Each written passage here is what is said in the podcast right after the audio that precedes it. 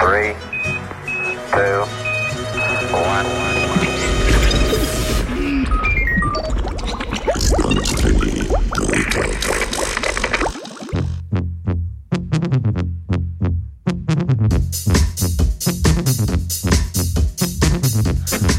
Nevtrini spreminjajo naše razumevanje vesolja, celični mehanizmi popravljanja DNK.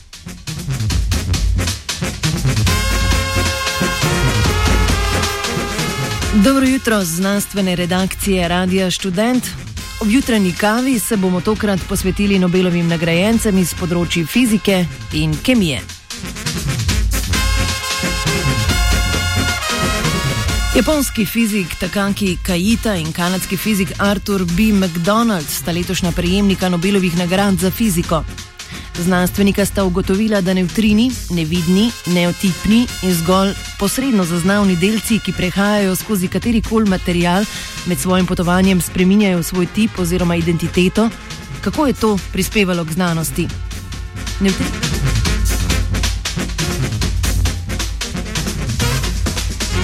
Nevtrini, katerih obstoj je bil sprva napovedan zgolj teoretično, nastajajo pri jedrskih reakcijah, da nimo tistih v Soncu in zvezdah, zemeljskem jedru in reaktorjih.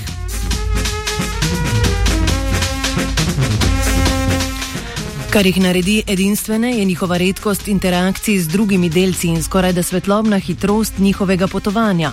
To pomeni, da lahko prepotujejo velike razdalje, ne da bi pri tem v karkoli trčili. Skozi vaše telo jih tako v vsakem trenutku prehaja na milijone, tudi prehajanje čez naš planet jim ne povzroča nikakršnih težav.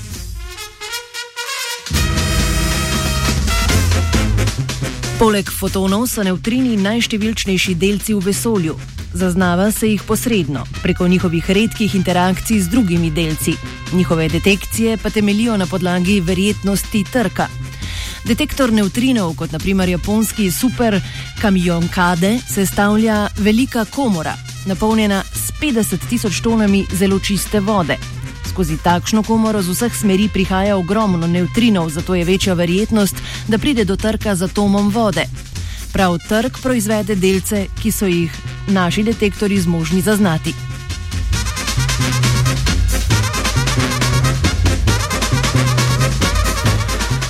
Na podlagi teh pri trku nastalih delcev so znanstveniki in znanstvenice tako že odkrili, da nevtrini obstajajo v treh različnih tipih oziroma identitetah.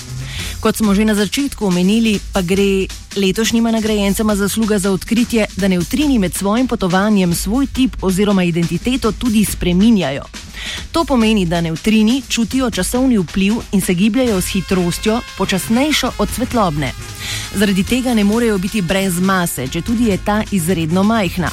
Odkritje mase nevtrinov je pomembno, ker nam zaradi njihove vse prisotnosti in številčnosti spremeni pogled na celotno vesolje. Nobelovo nagrado za kemijo pa so si za odkritje in mapiranje različnih mehanizmov popravljanja DNK, ki ščitijo genetsko informacijo, enakovredno razdelili trije znanstveniki.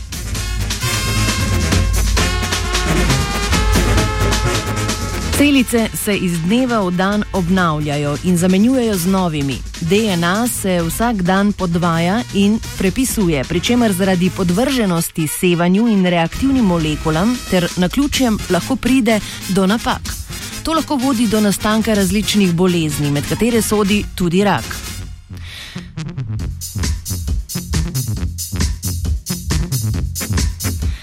Kljub nenehnemu prepisovanju in podvajanju izgleda DNA v zdravih celicah kot nedotaknjena. To je na bakterijskih celicah prvi spoznal švedski raziskovalec Thomas Lindahl iz inštituta Francis Crick v Združenem kraljestvu, za kar si je prislužil tretjino letošnje nagrade. Lindahl je odkril molekulski mehanizem odstranitve napačnih baz, v katerem napake popravijo encimi glikozilaze, glikozilaze, ki odstranijo napačno bazo v paru, medtem ko je jo encim polimeraze nadomestijo s pravo bazo.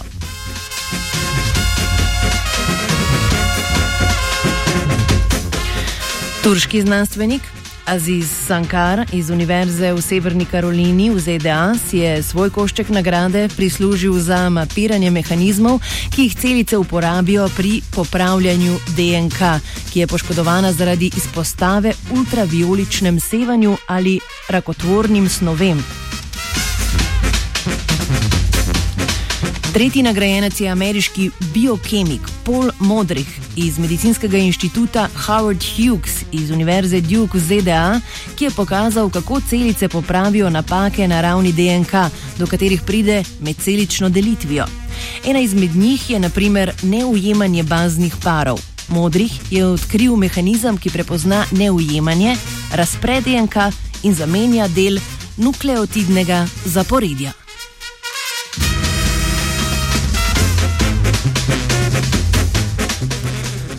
Z Nobelovci sta se to jutro družila Ian in Zarja.